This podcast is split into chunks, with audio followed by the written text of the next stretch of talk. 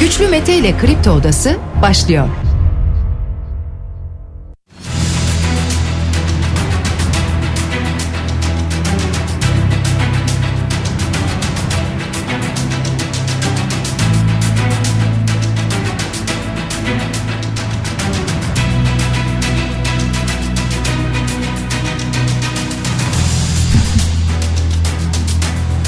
15 Şubat çarşamba sabahında sizlerle beraberiz sevgili dinleyiciler. Kafa Radyo'da Kripto Odası'nda bugün de saat 10'a dek sizlerle birlikte olacağız. Gündemdeki başlıkları değerlendireceğiz ki gündemimizdeki en önemli en büyük başlığımız deprem.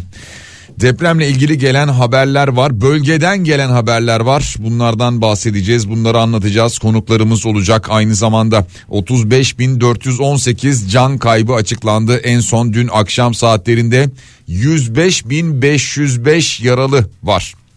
Konteyner ihracatı yasaklandı 3 aylığına sevgili dinleyiciler. Bölgedeki esnafın kredi borcuna erteleme getirildi. Yağma ve hırsızlık olaylarında 102 tutuklama gerçekleşti. Salgın hastalıkla ilgili uyarılar var. Deliller enkazla birlikte kaldırılacak mı buna ilişkin uyarılar var. Fırsatçılar çevre illerde kiraları arttırdılar. Üstelik sadece çevre illerde de değil. Mesela Elazığ'dan Mersin'den gelen haberler vardı. Buna diğer şehirler de dahil olmaya başladı.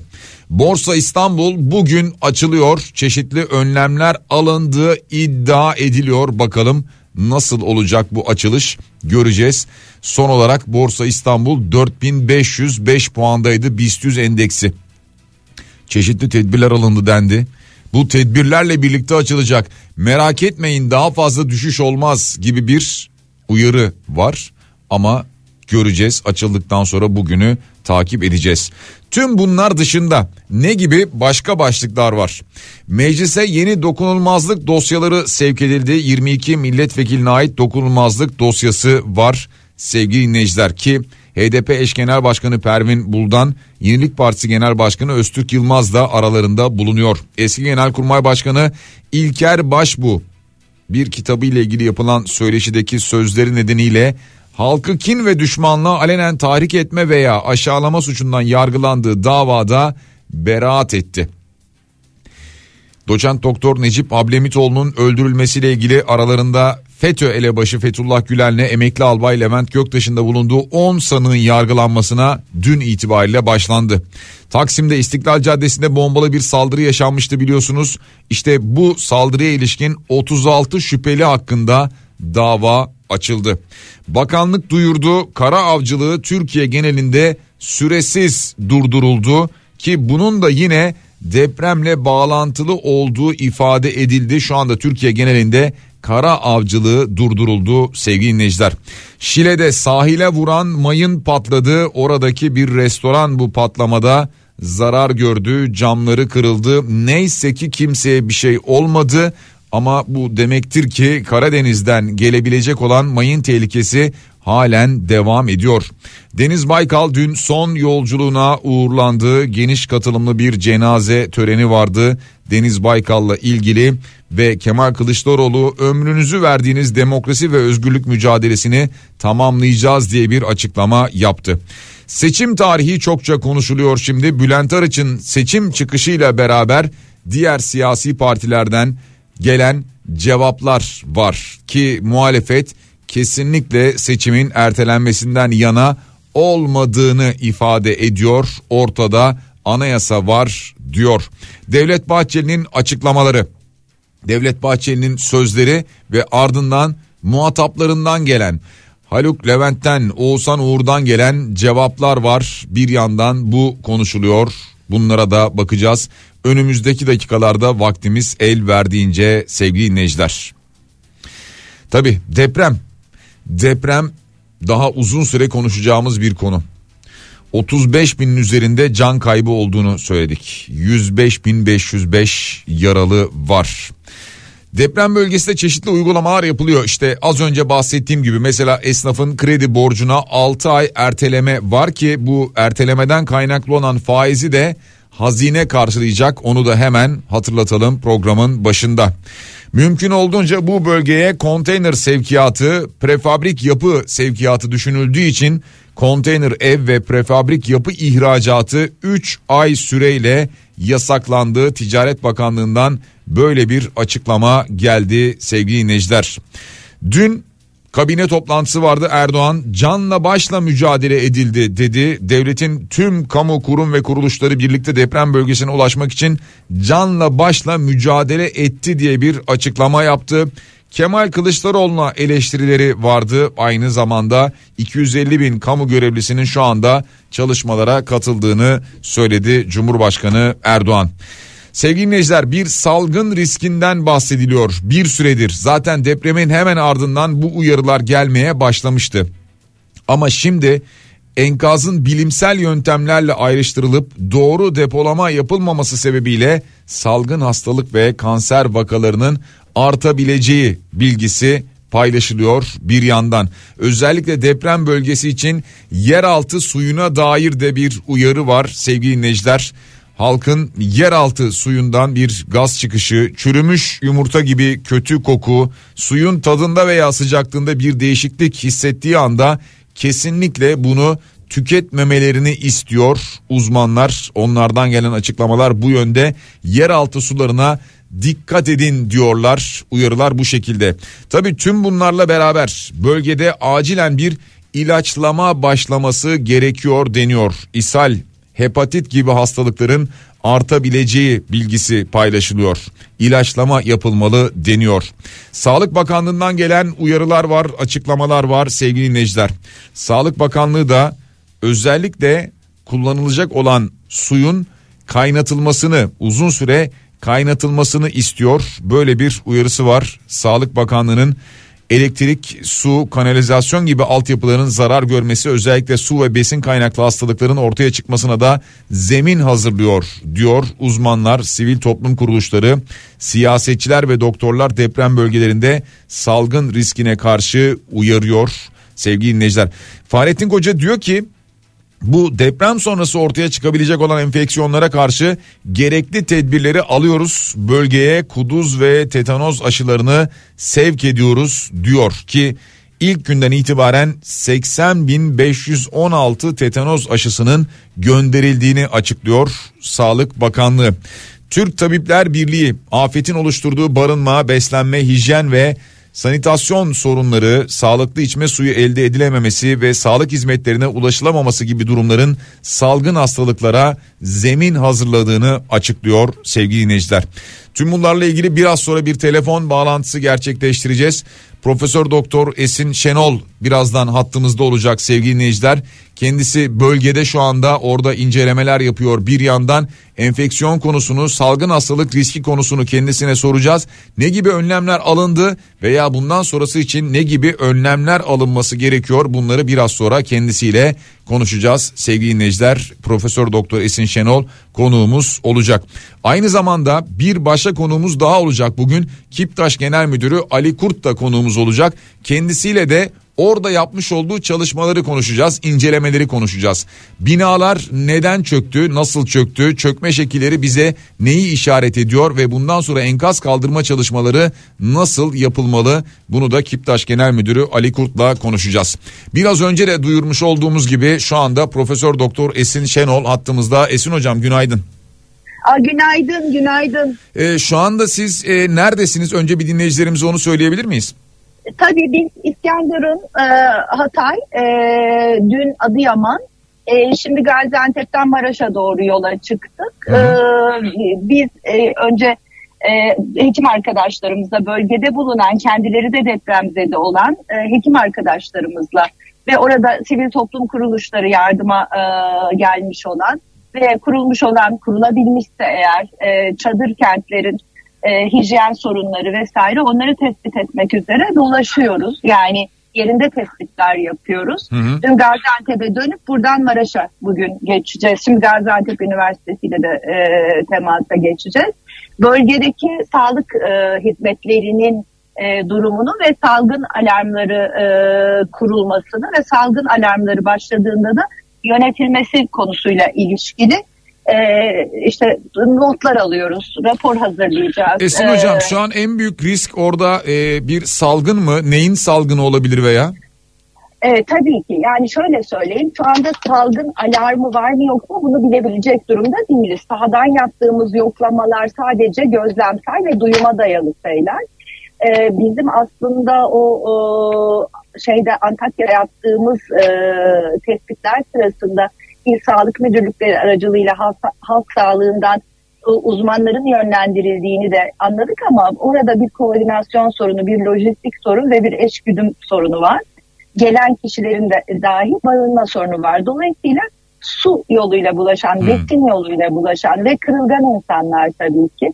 Öncelikle şunu söyleyeyim ilk başta yaralanmaların çok uzun süre sonra enkazdan çıkarılmalara herkes mucize diyor ama maalesef bu teknolojik çağda e, çok e, hassas araştırmalarla günler önce çıkarılabilecek insanların bilmem kaçıncı saatte enkazdan çıkarılmasında sonuçları ve bedelleri var Hmm. tabii ki.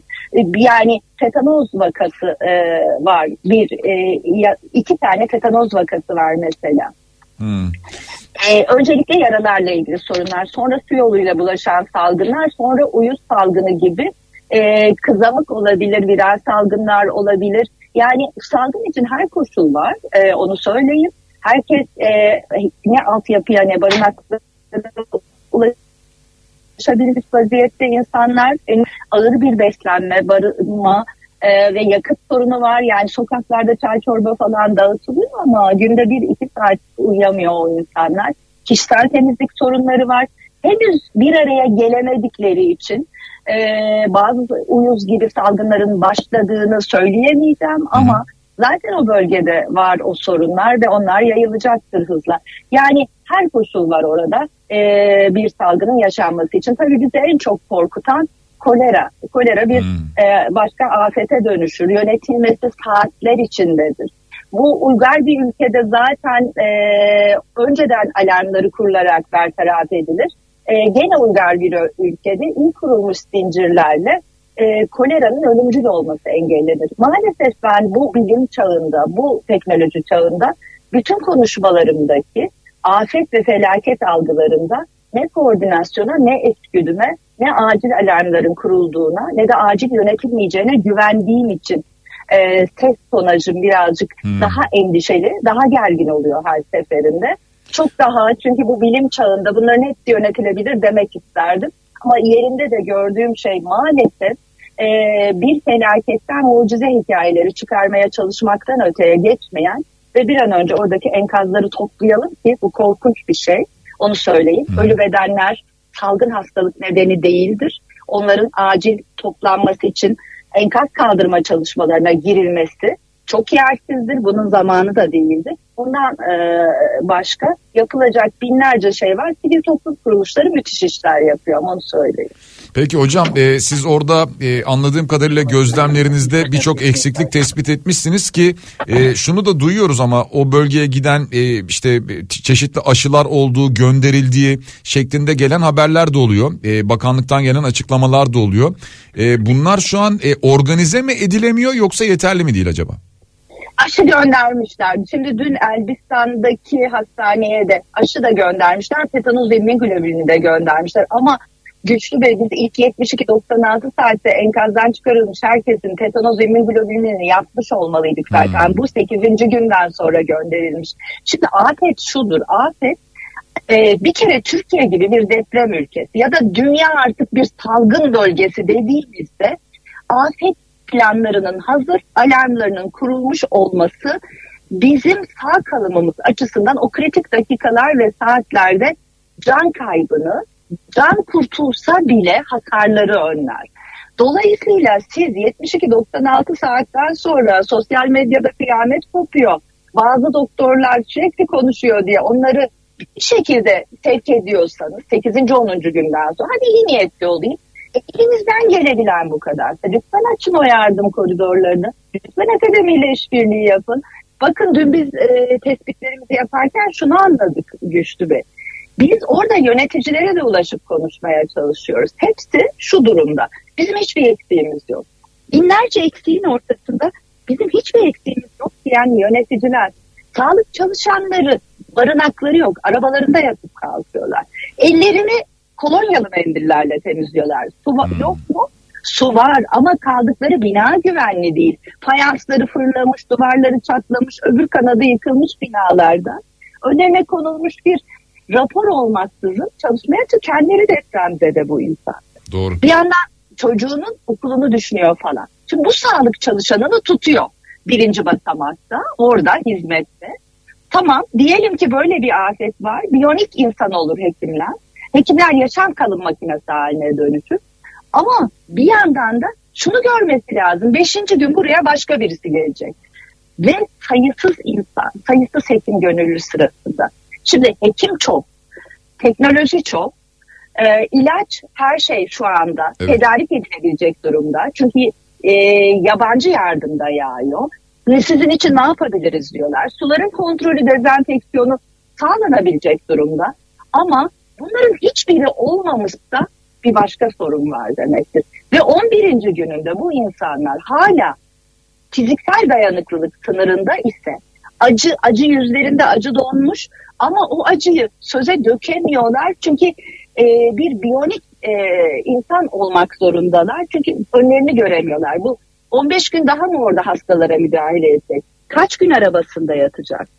E, kızım evde enkazda kaldı, ben hastanede enkazda kaldım diyen sağlıkçı arkadaşım ben burayı da bırakamıyorum ama dinlenemiyorum da feryadı ne bunların hiçbirini bilmiyoruz. Yani dramatize falan etmiyorum. Hı hı. Çok daha azını söylüyorum olup bitenin.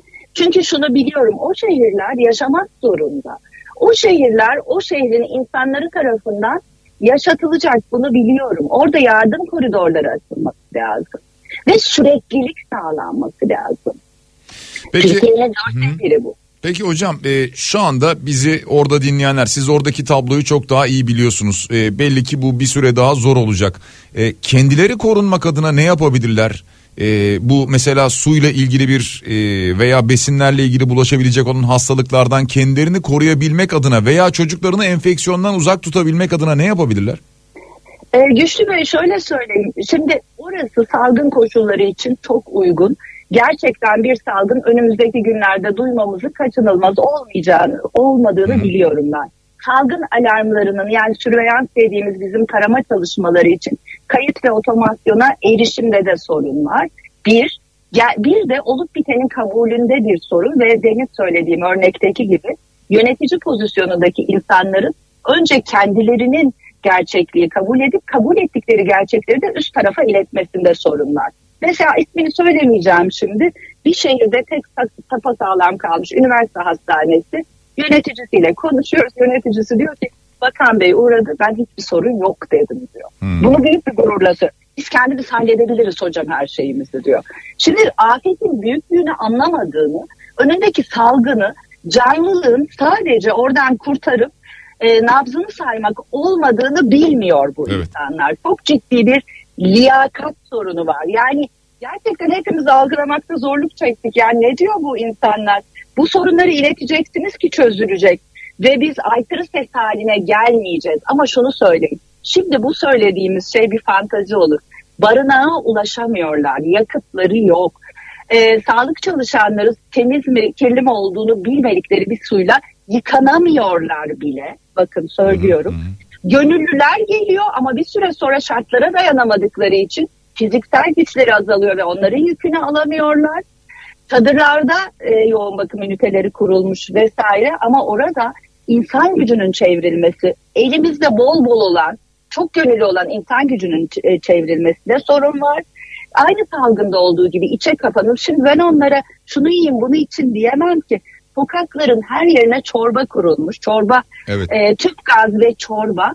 Ben dahi işte ben dahi dediğim tabii ki ben de o bölgedeyim şu anda. Hı hı. Üç gündür sadece çorba ve çay içerek dolaşıyorum. Bu kaçınılmaz bir şey. Hem üşüyorsunuz hem açsınız. Ne bulursanız içiyorsunuz ve yiyorsunuz. Ve ilk defa bakın Covid'in içindeyim ben. Covid olmamayı başardım. Çünkü Covid olmamak istedim zaten ama ne maske takabildim ne bir şey. Hmm. Bütün zincirler kırıldı. Bütün zincirler ve yanındaki arkadaşlara dedim ki zannederim bu sefer beni de affetmeyecek Covid. herkesle ağız ağızda olmak zorunda kaldım. Şimdi ben o insanlara ne önereyim ki? Önce temel şeylere ulaşmaları lazım.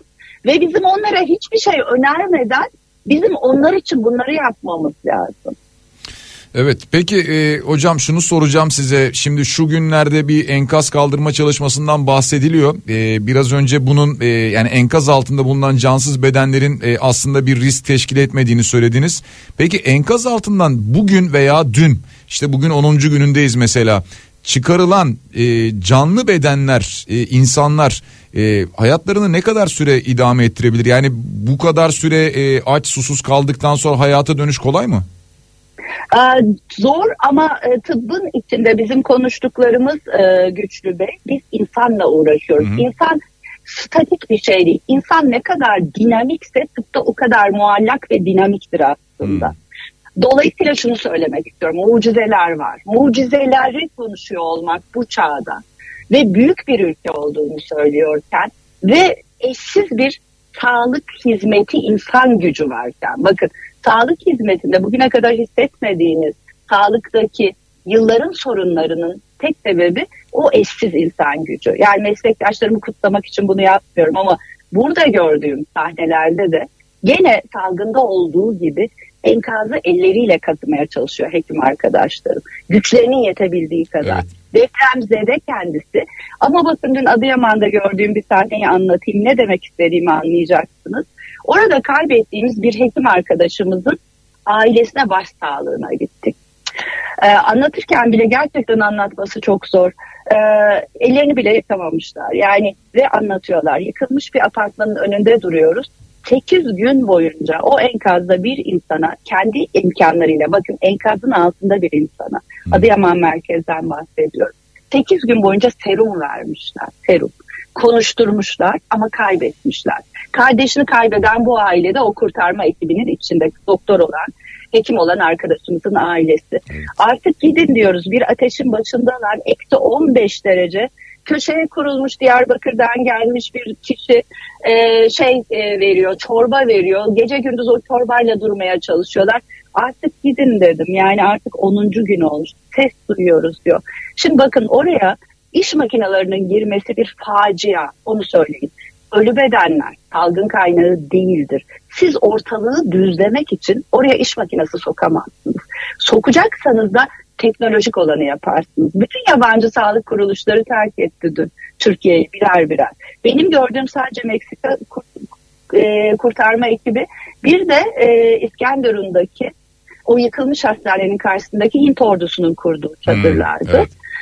Dolayısıyla onun dışındakilerin hepsi gitmiş. Etik sorun olduğu için gittiler çünkü. İş makinelerini sokmaya çalıştıkları için gittiler. Dün Adıyaman'da o enkazların olduğu yere bir tane araç girmiş vektör ilaçlaması yapıyor. Nasıl yapıyor biliyor musunuz? Havaya bir şey püskürtüyor. Sabahın saat 11'inde. Nedir o hocam? Yani- Ne, ne, ne- neye yarayacak bir ilaçlama? Hiçbir şeye, hiçbir şeye, hiçbir şeye. Orada bir yani şunu söylemek istiyorum. Ee, koordinasyon sorunu var. Da, çok ciddi bir planlama sorunu var. İlk 3-5 günün kaybını telafi etmek falan mümkün değil. Yani o canların hepsi kurtarılabilirdi. Bırakın afeti önlemeyi, bırakın binaları dönüştürmeyi. Öyle teknolojik imkanlarınız var ki sayısız insan daha kurtarılabilirdi. Onu da geçtik. Çok geç çıkan insanlar mucize. Şu anda Türkiye'de iki tane tetanoz vakası var ama pek çoğunu biz o kurtardıklarımızın moral bozmak için söylemiyorum. Geç kurtarıldıkları için sağlık sorunlarına maruz bırakacağız ya da belki kaybedeceğiz. Bunlar bu teknoloji çağında orta çağdaki gibi konuşulamaz.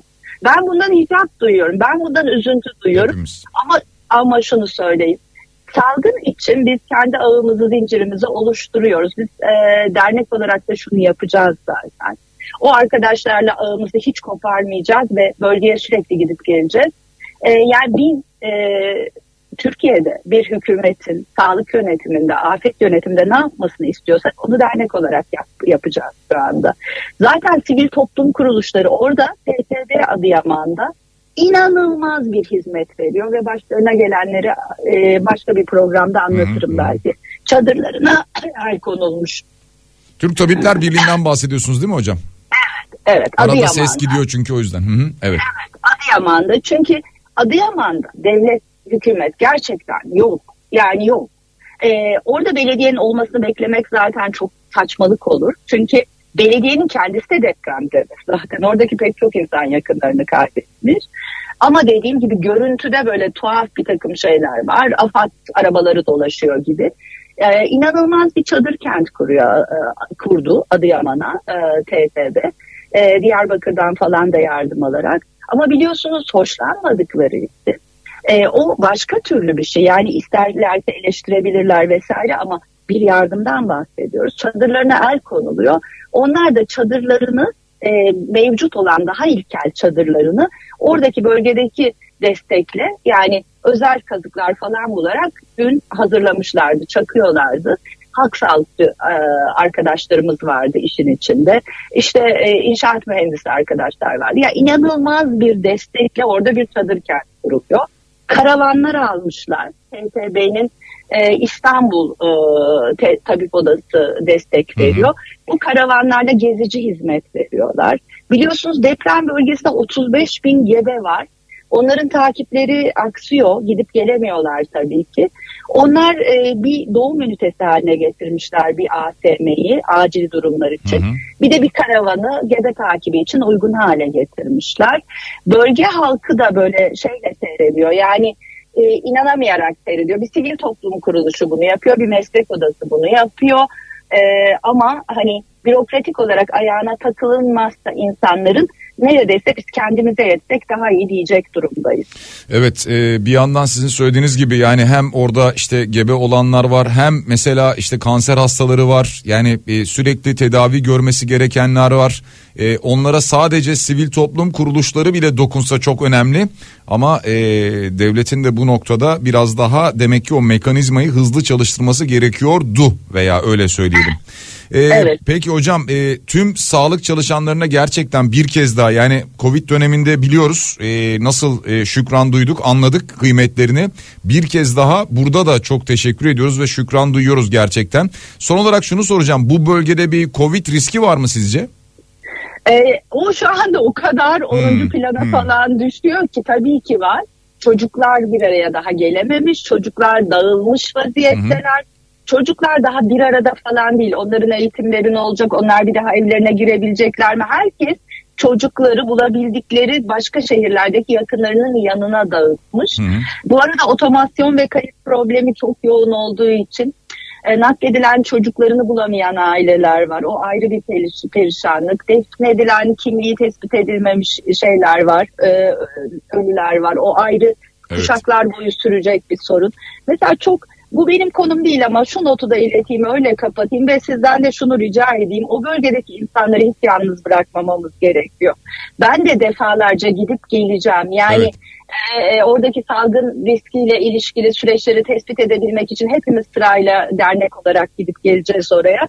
Şunu söyleyeyim mesela birisi iki çocuğunu ve karısını gömmüş ve diyor ki ben Rusya'da çalışıyorum. Kimliğim yok, banka kartım yok bir tane pijamamla sokaktayım. Adıyaman'dan bahsediyorum. Ben ne yapacağım? Ben ne yapacağım? Yani 11. gününde bunu söylüyor. Sorun çok boyutlu güçlü bey.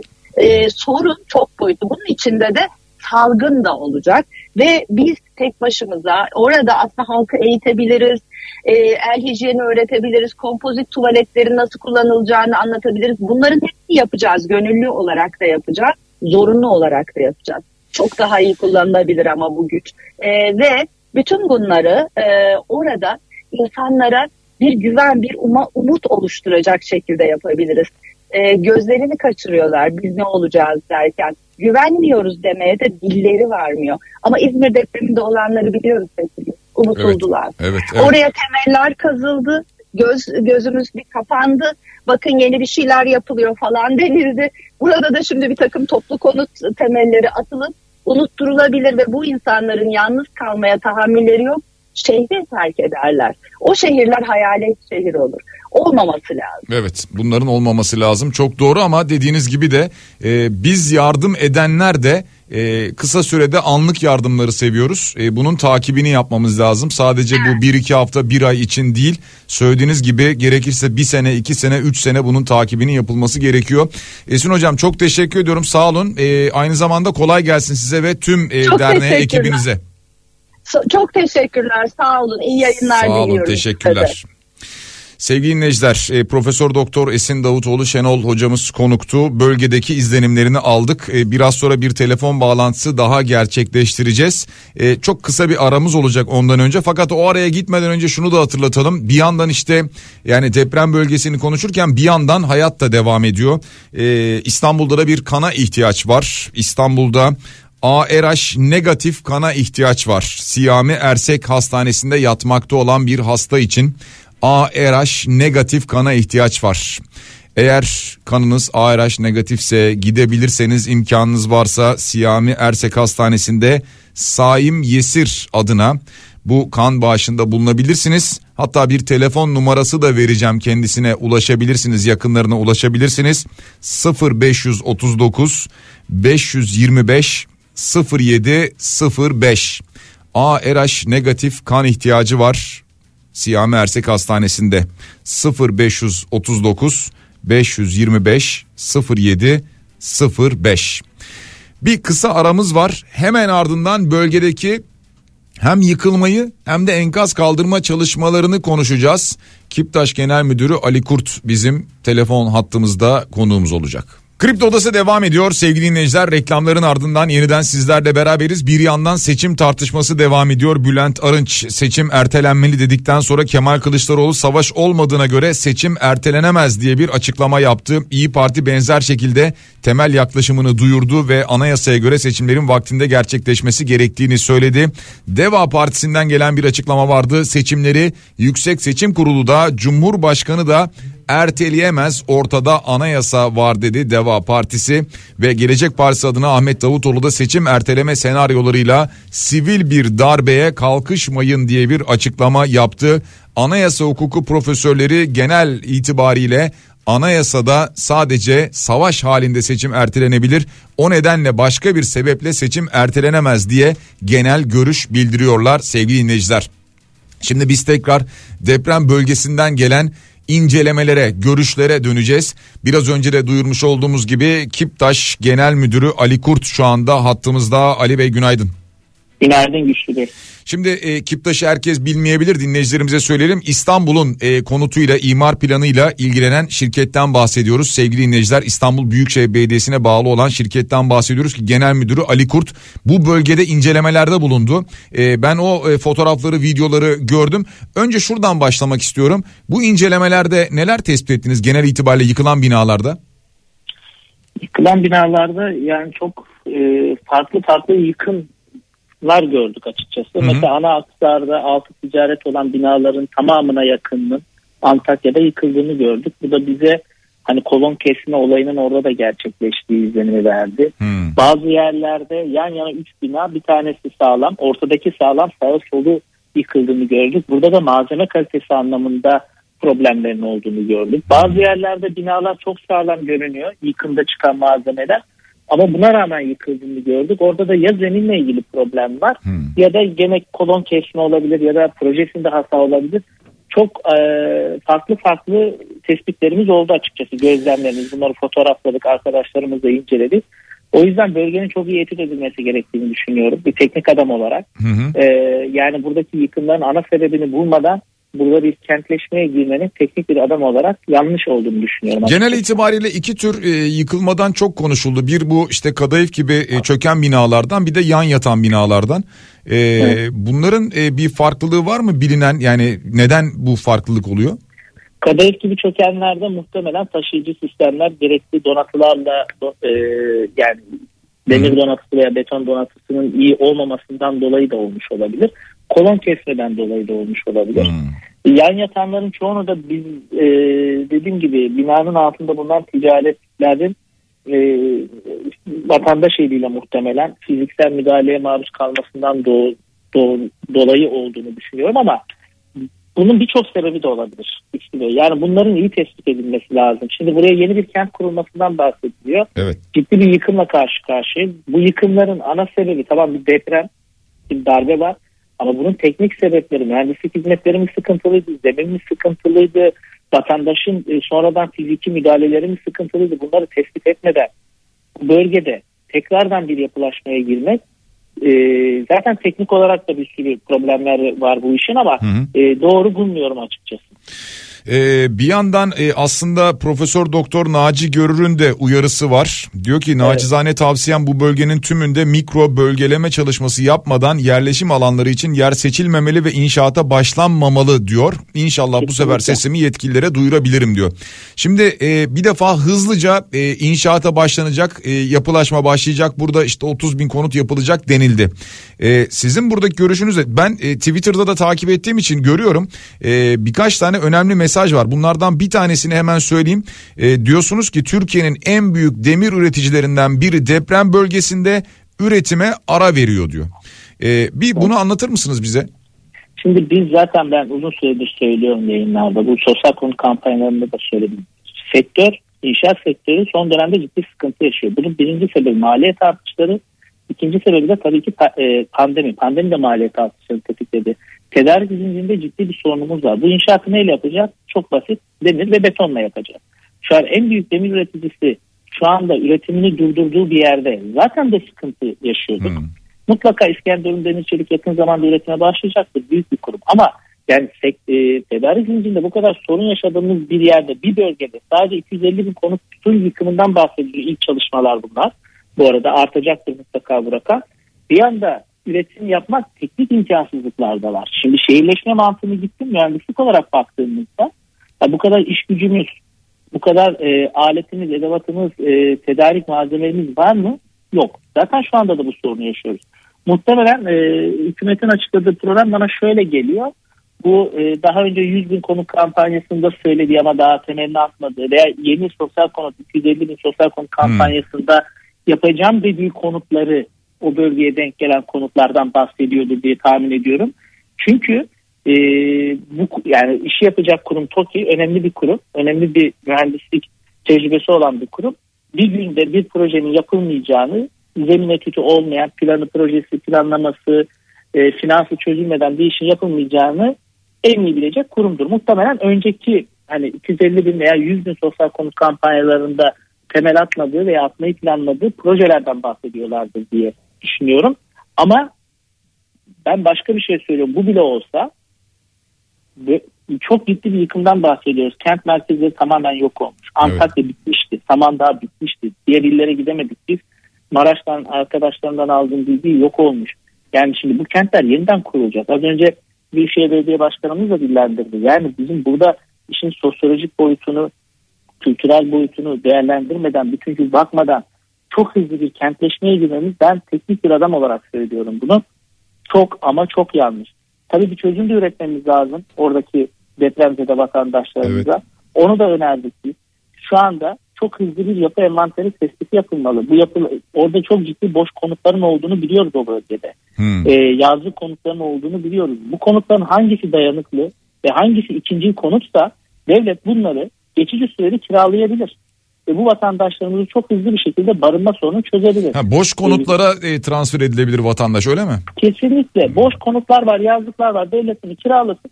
Bunun iki türlü avantajı var güçlü Bir, kiralarda da aşırı bir artış vardı. Bu bölgede kira artışlarını da regüle eder devlet bu sayede. Artı e, zaman kazanır. Niye zaman kazanır? Yeni kentler kurmaktan bahsediyoruz. Yani 10 tane il, bunun 7 tanesi büyük şehir. Bunların tekrardan imarından bahsediyoruz. Evet. Tekrar ihya edilmesinden bahsediyoruz. Bunun iyi düşünüp niyet edilmesi lazım. Bunun için de zamana ihtiyaç var. Yani bakın ben şöyle bir örnek vereyim. İstanbul'u bilenler, Esenler asker alan biliyorsunuz orada evet. kentler dönüşüm adı altında konut projeleri yapıyor. Bomboş alandı. Bomboş. Tüm altlıkları vardı. Zemin etütleri, mülkiyet durumu. Oranın tasarlanıp planlanıp inşaata başlanması 2-3 yıl sürdü. Doğru. 2-3 yıl sürdü. Şimdi yıkılmış bir kent niye yıkıldığını sebeplerini daha bilmediğimiz kentlere biz hemen konut yapıyoruz demek şehircilik anlamında yanlış. Tedarik zincirini ve sektörün gidişatını düşündüğümüzde o da biraz işin imkansızlaştığını gösteriyor bize açıkçası. Evet Bir biraz ihtiyaç var mı? biraz da e, bina bazlı bakacak olursak şimdi e, evet e, belli ki e, bir sürü problem var. Yani e, zeminden tutalım da binada kullanılan malzemeye kadar e, işçiliğe kadar birçok sorun var belli ki. E, denetimsizlik var, kontrolsüzlük var, birçok şey var ama bunlarla ilgili şimdi mesela yakalanan müteahhitler, tutuklanan müteahhitler olduğunu duyuyoruz. Fakat e, muhtemelen bu süreç içerisinde yargı süreci içerisinde bu binalardaki deliller de çok önemli olacak ve bu konuda Kesinlikle. sizin yine bir uyarınız vardı e, sosyal medya hesabında dün deprem bölgesinde enkazlar kaldırılmaya başlandı numuneler mutlaka tutanak altına alınmalı aksi halde yıkılan binaların yıkım sebepleri delil yetersizliğinden tespit edilemeyecek diyorsunuz. Yani şimdi Evet. burada bu bölgede nasıl bir çalışma olması gerekiyor? Şimdi tüm bize göre şimdi 99 depreminde de birçok yıkım oldu. Birçok kişi davalık oldu ama birçok e, çürük bina yapmasına rağmen müteahhitler delil yetersizliğinden beraat etti. Niye? Ortada delil yok. Şimdi bir bina yıkıldı. Müteahhit şunu iddia edebilir. Ben binayı sağlam yaptım. Alttaki kolonu kesmiş. Bunu nasıl tespit edeceğim? Hmm. Bir binanın çürük olup olmadığını birinci önceliğini bulabilmemiz için oradaki yapı malzemelerin kalitesini test etmemiz lazım. Yıkık binalardan beton ve demir numuneleri alarak bunları tutanak altına alınıp madem yapı tespiti yapıyor bakanlık yaptığını söylüyor. Burada keşke bunları da tutanak altına alsa ve delil olarak kullanılabilecek nitelikte olsa. Eğer biz orada bakın öyle binalar var ki güçlü de yan yana birinde çizik yok biri yerle biri olmuş. Şimdi işini doğru yapanla yanlış yapanı da ayırmamız gerekiyor. Evet. Ve yanlış yapanları kesinlikle cezalandırmamız gerekiyor. Çünkü o yanlış yapan bir süre sonra o yanlışa gene devam edecek. Yani o yüzden bu delil tespiti önemli. 99'da bunu tecrübe ettik. Enkazlar kaldı. Biz 6 gündür oradayız. Sahada gezdik. Tespit çalışmasına biz denk gelmedik. Biz denk gelmemiş olabiliriz. Ama herhangi bir e, yapı numunelerinden e, tutanak altında e, kayıt altına alındığını da görmedik. Ve ben e, biz dün itibariyle geldik şey e, pazartesi yola çıkmıştık. Hı hı. E, enkazların kaldırıldığını gördük. Şimdi televizyondan bakıyorum birçok bölgede enkaz kaldırma çalışmalarının başladığını geldi. Umarım bazı açıklamalar var tespitler yapılıyor diye. Umarım yapılıyordur. Umarım gerçekten işini doğru yapanla yanlış yapan arasındaki fark ortaya konur. Bunları yapmazsak yeni kurduğumuz kentlerde de aynı sorunlarla karşı karşıya kalırız. Bu aşağı yukarı e, 7-8 metrelik bir e, kaymadan bahsediliyor aynı Evet. zamanda. E, Kandilli Rasathanesi'nden böyle bir açıklama geldi. E, buna ilişkin yani bu ne manaya geliyor ve yapılaşma sırasında yeniden yapılaşma sırasında e, ne gibi şeylere dikkat etmek gerekecek? Şimdi tam da ben onu bahsetmek istiyordum. Onu Hmm. söylediniz. Şimdi e, Güçlü Bey ben Naci Hoca'yla da konuştum teknik olarak. Minimum 3-4 metre bir kaymadan bahsediyor ama Hı. bu ölçülüyor. Daha netleşmemiş. Hı. 3 metre kayma, plakanın kayması ne demek biliyor musunuz? Bölgenin tüm harita altyapısının bitmiş olduğu anlamına geliyor. Şöyle düşünün sizin bir parseliniz var. Hı hı. 4 nokta köşe koordinatları belli. Bunun kaydığını düşünün. Binayı sizin parsele oturtuyoruz. Oturduğumuz yerde parselin koordinatlarını diyor. Ama bu parsel 3 metre yana kaydı. Ne olur o bina? Yola gelir. Çok basit anlatıyorum. Hmm, evet. Oranın harita altlığının zemin etütleri yapıldıysa bunların altlığının tekrardan güncellenmesi, güncellenmesi gerekiyor. Yani yeni bir şehir kuruyoruz. Çok ciddi bir afetle görüntüleri görüyorsunuz. Yer yerinden oynamış Evet. orada. Bazı yerlerde daha fazla deformasyonlar var. Biz daha buranın güncel hali hazırını bütüncül anlamda çıkarmadıktan sonra, güncel haritalarını çıkarmadıktan sonra, koordinat sistemini oturtmadıktan sonra çok teknik şeylere girmek istemiyorum Hı hı ama. Yani altlıklarımız olmadıktan sonra nasıl proje yapacağız? Bu projeler gidip orada ölçüm yapılarak üretilmiyor. Ee, Mart ayının başında başlayacaksak bir proje. Şu anda bu projeler hazırdır. Bunlar dediğim gibi muhtemelen o projeler 250 bin sosyal konut kampanyasında veya e, söylenen ama yapılmayan 100 bin konut kampanyasındaki projelerdir diye tahmin ediyorum ama gene de bir durup sakin olup önce vatandaşın boş konutlara barındırıp barınma ihtiyacını hızlıca çözmeliyiz. Ondan sonra kenti çok ciddi geniş paydaşlarla e, bilim adamlarıyla tekrardan planlayıp bir daha kurmalıyız. Şimdi Hatay mesela çok önemli kültürel değerleri olan bir yer. Atatürk'ün Evet. miras bıraktığı bir kent. Şimdi biz burayı şey tip projelerle birbirine benzeyen evlerle mi geliştireceğiz veya kurgulayacağız böyle bir coğrafya? O kadar güzel bir coğrafya. Biraz çalışmamız gerekir diye düşünüyorum. Muhakkak. E, bununla ilgili de e, ciddi bir seferberlik yapılması gerektiğini düşünüyorum. Yıkım görünenden çok daha büyük bir teknik adam olarak söylüyorum bunu. Ekonomik veriler de bunu yakında zaten gösterecektir. e, yani çok sakin ve akılcı hareket etmemiz ve yanlışlardan ders çıkarmamız lazım. Evet bu konudaki uyarılarınız çok önemliydi. Ee, o yüzden hani sosyal medyada kalmasın sadece buradan da duyuralım istedik. Ee, gerçekten değerli uyarılar. Umarız e, bir telaşla bir panikle e, enkaz bu şekilde kaldırılmaz. Biraz önce e, Profesör Doktor Esin Şenol hocamız da söyledi dedi ki enkaz altında bulunan cansız bedenler bir salgına sebep olmaz. Yani bunun e, çok büyük bir aciliyeti yoktur şu anda dedi mesela. Tabi bir yandan vatandaş da orada e, bir yakının cenazesini alıp e, yeri belirli olan bir e, mezarlığa defnetmek istiyor. Bir yandan böyle bir arzu da var biliyorum. Ama Tabii tüm bunların bir düzen içerisinde yapılması en doğrusu. E, sizden de bunu dinlemiş olduk. Var mı bir ilaveniz? Önceliğimiz oranın yeniden inşa edilmesi değil. Doğru inşa edilmesi. Önceliğimiz oradaki insanların barınma sorununu tabii ki çözmek. Ama burada da kaynakları verimli kullanmalıyız. Bunu alternatif yöntemlerle çözebiliriz. Bölgede çok boş konut var, yazlık konut var. Devlet bunları kiralayabilir. Daha makulen ekonomik yük olarak da devleti biraz rahatlatır. Artı önünü görür. Bir yılda burayı inşa etmek yerine bir yılda planlaması çok ama çok daha teknik adam olarak söylüyorum. Kentleşme adına çok daha olumlu bir adım olur. Evet. Teşekkür ediyorum.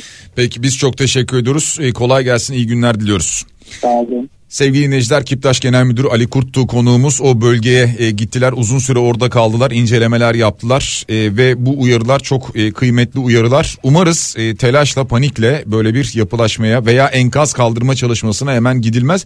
Düzenli organize bir şekilde yapılır. Hem de şu anda konuştuğumuz işte o binalar yıkıldı. Müteahhit suçlu mu değil mi? E, bir başkası mı suçlu sorumlu? Bunların daha net ortaya çıkması gerekir ki bu işte delil e, toplanır bu binalardan. Ancak ondan sonra enkaz buradan kaldırılır. Şimdi e, Devlet Bahçeli Dün Hatay'ın Antakya ilçesinde e, baraj patladığını iddia edip kurgulanmış yalanı sosyal medyadan servis ederek korkuya, paniğe ve can kayıplarına neden olanlar afet bölgesine neyin peşindedir diye bir açıklama yaptı. Devletin yapamadığı, yatıştıramadığı ve yetişemediği ne vardır da ahbapçılar ve baba, babalıcılar, akbaba gibi kanat çırpmaktadır. Bu sahtekarların Türk televizyonlarında artık yer almaması lazımdır. Devleti aciz içinde gösterircesine sosyal medyaya üşüşenler bindikleri dalı kestiklerini ne zaman anlayacaklardır diye bir konuşma yapmıştı. Yapmıştı ardından biliyorsunuz e, cevaplar da geldi. Örneğin Haluk Levent Sayın Bahçeli'nin danışmanlarının kendisini yanlış yönlendirdiğini düşünüyorum diye bir açıklama yaptı. Ya açıkçası ben de aynısını düşünüyorum. Yani bu kadar hiddetle, bu kadar şiddetle bu sivil toplum kuruluşlarını, bu insanları böyle yermeye ne gerek var? Oraya gidip destek olmaya çalışıyor insanlar. Bunda bir zarar var mı? Vatandaş kötü günde bir araya geliyor. İmece usulü herkes birbirine yardım etmeye çalışıyor. Bunda nasıl bir kötülük olabilir ki? Ya bunun ardında arkasında ne bekliyorsunuz? Herhalde birileri yanlış yönlendiriyor gerçekten. Birileri sevmiyor demek ki. Bu yardımların yapılmasından hoşnut değil birileri demek ki. Yani şimdi neden buraya giden sivil toplum kuruluşları akbaba gibi kanat çırpsın ki? Ne olacak yani veya niye bu insanlara sahtekar diyorsunuz? Bu sahtekarların diyerek böyle bir suçlama yapıyorsunuz. Ya bunlar gerçekten e, şu dönemde hele ki şu dönemde anlaşılabilir şeyler değil. Ya Haluk Levent e, çok e, kibar bir şekilde cevap vermiş. Benzer şekilde Oğuzhan Uğur da e, büyük milletimiz bu büyük sıkıntısı karşısında parti görüş ayrımı yapmadan kenetlendik. Sayın Bahçeli'ye yanlış bilgi verildiği kanısındayız diyor. O da böyle bir e, geri dönüş sağlamış. E, Gelecek Partisi'nden Devlet Bahçeli'ye bir tepki vardı. Devletin kurumları da bizimdir. Fayda üreten STK'lar da bizimdir Sayın Devlet Bahçeli. Ankara'dan ülkeye ayar vermeyi bırakın da memleketiniz Osmaniye sizi bekliyor. Deprem bölgesi sizi bekliyor. Bölge halkıyla kucaklaşmanızı tavsiye ediyoruz diyor. İsa Mesih Şahin yapıyor bu açıklamayı. İstanbul İl Başkanı sevgili dinleyiciler. Gelecek Partisi'nden de böyle bir tepki oldu. Devlet Bahçeli. Devlet Bahçeli de şimdi gideceğini söyledi e, yeni gideceğini söyledi. Ali Babacan diyor ki masal anlatmayın ülke ne halde bilmeden oturduğunuz yerden ahkam kesmeyin diyor. e, tepkisi böyle Devlet Bahçeli'ye. İşte neden böyle bir şey yaptı Devlet Bahçeli? Yani bu e, açıklamasının ardında arkasında kimler duracak, kimler destek verecek veya genel itibariyle bakıldığında e, birçok kesimden bu açıklamaya tepki geldi. Yani insanların bir araya gelmesinde, birilerine güvenmesinde, o güvendiği kişilerin bir organizasyon oluşturmasında ve bu bölgeye destek götürmesinde ne gibi bir zarar var? Bakın işte görüyorsunuz daha hala destek alamayan bölgeler var. Ne var yani bunda? 10 şehir yıkılmış diyoruz. 10 şehir.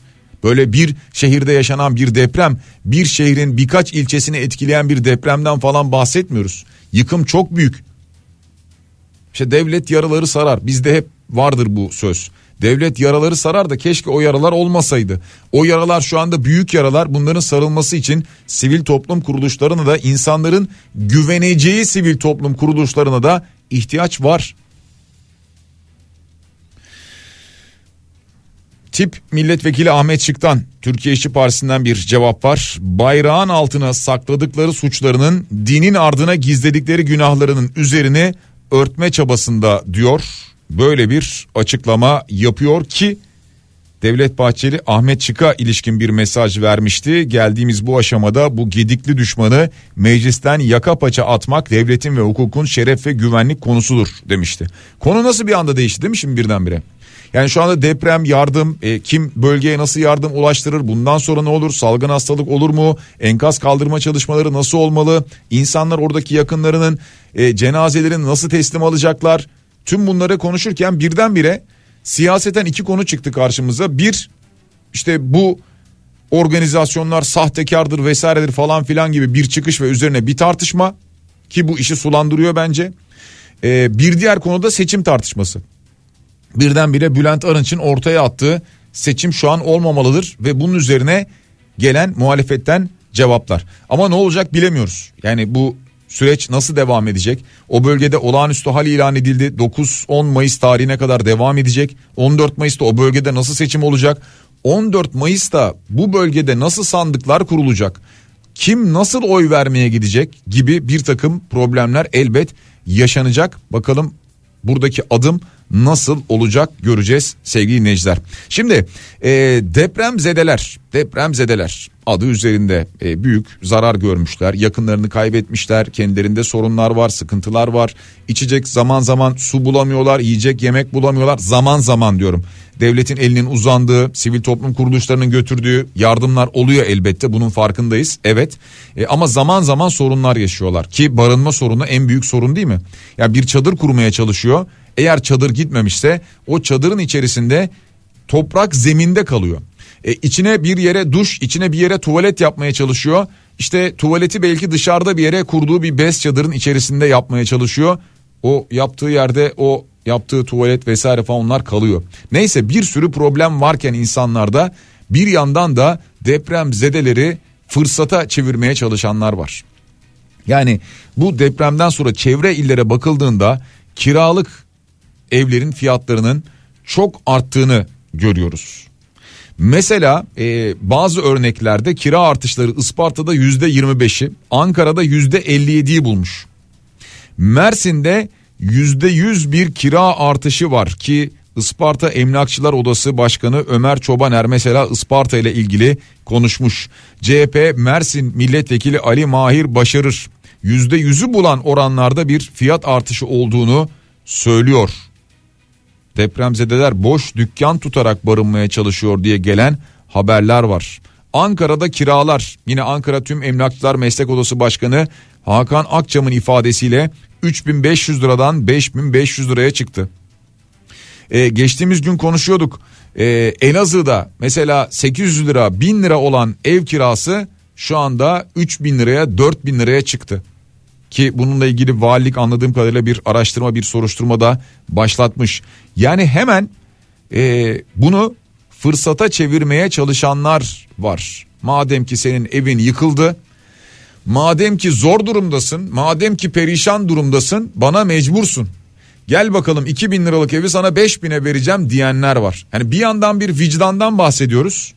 Kendimizce oraya koşuyoruz. Evet Yani koşanlar var tabii ki büyük emek sarf edenler var doğru. Hani böyle günlerde birbirimize nasıl destek olduğumuzu görüyoruz anlıyoruz diyoruz. Bir yandan da bu tip fırsatçılar çıkıyor. Diyarbakır'da, Mersin'de şimdi bakıyorum bir yandan fiyatlar önümde var da e, taşınma fiyatları bile zamlanmış. Yani bir yerden bir yere nakliye olacak. Varsa eğer bulabildiğiniz eşyanız evinizin içinde falan yıkılmamışsa veya yıkılmış ama aradan alabildiğiniz eşyalarınız varsa nakliye fiyatları da artmış, taşıma fiyatları da artmış. Çok büyük acılar yaşanıyor sevgili dinleyiciler. Depremde e, hayatını kaybedenlerin kimlikleri o kadar zor belirleniyor ki. Yani hem kendilerinden hayatlarını kaybedenlerden hem yakınlarından alınan kriminal bir takım teknikler bunlarla teyit ediliyor. Yani gerçekten o kişi senin akraban mı değil mi o kişi o kişi mi? Ee, çok acı çok fazla detaya girmeyeceğim ama bedensel bütünlüklerin olmadığı e, enkaz e, çalışmaları yapılıyor bir yandan. O nedenle insanlar bunların e, tespitini istiyorlar. Bir yandan böyle bir bilgi var. İstanbul Büyükşehir Belediyesi'nden bir gönüllülük çağrısı var. Yeni kapıya gelin diyor. Yeni gönüllere ihtiyaç duyduğunu ifade ediyor. İstanbul Büyükşehir Belediyesi günlerdir çalışan mevcut gönüllerin yorulduğunu ve yeni gönüllere ihtiyaç olduğunu duyuruyor. Yeni kapıya gidebilirsiniz. İstanbul'da soranlar biz ne yapabiliriz? Nerede nasıl yardım edebiliriz? İşte buyurun İstanbul Büyükşehir Belediyesi diyor ki günlerdir çalışanlar yoruldu. Yeni gönüllülere ihtiyacımız var diyor. Bir hatırlatma temassız kartların ilk kullanımında şifre istenecek. BDDK'dan böyle bir uyarı geldi sevgili dinleyiciler. Temassız kartların müşteri bilgisi dışında kullanımının engellenmesi için ilk işlemlerde şifre girilmesinin sağlanması yönünde bankalara talimat verdi ki dün sadece ilk işlemlerde değil yapılan işlemlerde bazen temassız uygulaması çalışmıyordu. O nedenle e, bazı firmalar e, kartı kullanarak yani o post cihazın içerisine sokarak e, kullandılar. İşte bir takım önlemler alınıyor. Sebebi de ne? Yine çalınan kartlar, kaybolan kartlar bunlardan bahsediliyor. Ee, bir konu daha var gündemde bununla ilgili herhalde büyük firmaların bir e, uygulamaya gitmesi lazım ki o da şu e, bu tip bölgelerde yani deprem bölgelerinden bahsediyorum 10 şehirden bahsediyorum e, çeşitli alışveriş sitelerinden yapılmış olan alışverişler. Şimdi e, diyeceksiniz ki o alışverişin sırası mı vesaire mi falan o başka bir şey ama depremden önce yapılmış olan alışverişler ve bunların iadeleriyle ilgili sorunlar yaşanıyor. E, yani deniyor ki mesela e, iadeni şu kargo firmasına git yap ya o bölgede o kargo firması yerinde mi değil mi var mı çalışabiliyor mu insanlar oradan oraya nasıl gidecek bence bu iade süreçleriyle ilgili bir uygulama yapılması lazım yani deprem bölgesindekilerin alışverişlerinin iadesiyle ilgili sürecin uzatılması lazım. Yani bu işte normalde süre bilmiyorum ben bir haftaysa 10 gün 10 günse bir ay gibi süreçlere uzatılması gerekiyor. Çünkü kargo firmaları da bunlarla kolay başa çıkamayacaklar öyle anlaşılıyor. E, o nedenle böyle bir uygulama yapılması lazım. Bunu da devlet yapabilir ancak alacağı bir kararla veya bir yönetmelik değişikliğiyle geçici olarak. Cenkere Teknik Masa'da teşekkür ediyoruz sevgili dinleyiciler. Biraz sonra Bediye Ceylan güzelce sizlerle birlikte olacak güzel şeyler programında. Yani gerçi şu anda konuşacak çok güzel şey yok ama netice itibariyle yine bölgeden haberler e, olacak bu program içerisinde. E, genel itibariyle son bilgiler paylaşılacak e, saat 12'ye dek daha sonrasında Salih, Pınar, Zeki yine sizlerle beraberler. Deprem özel yayınlarımızla ilk günden beri biliyorsunuz. Yarın sabah aynı saat diliminde yeniden buluşana dek şimdilik hoşçakalın.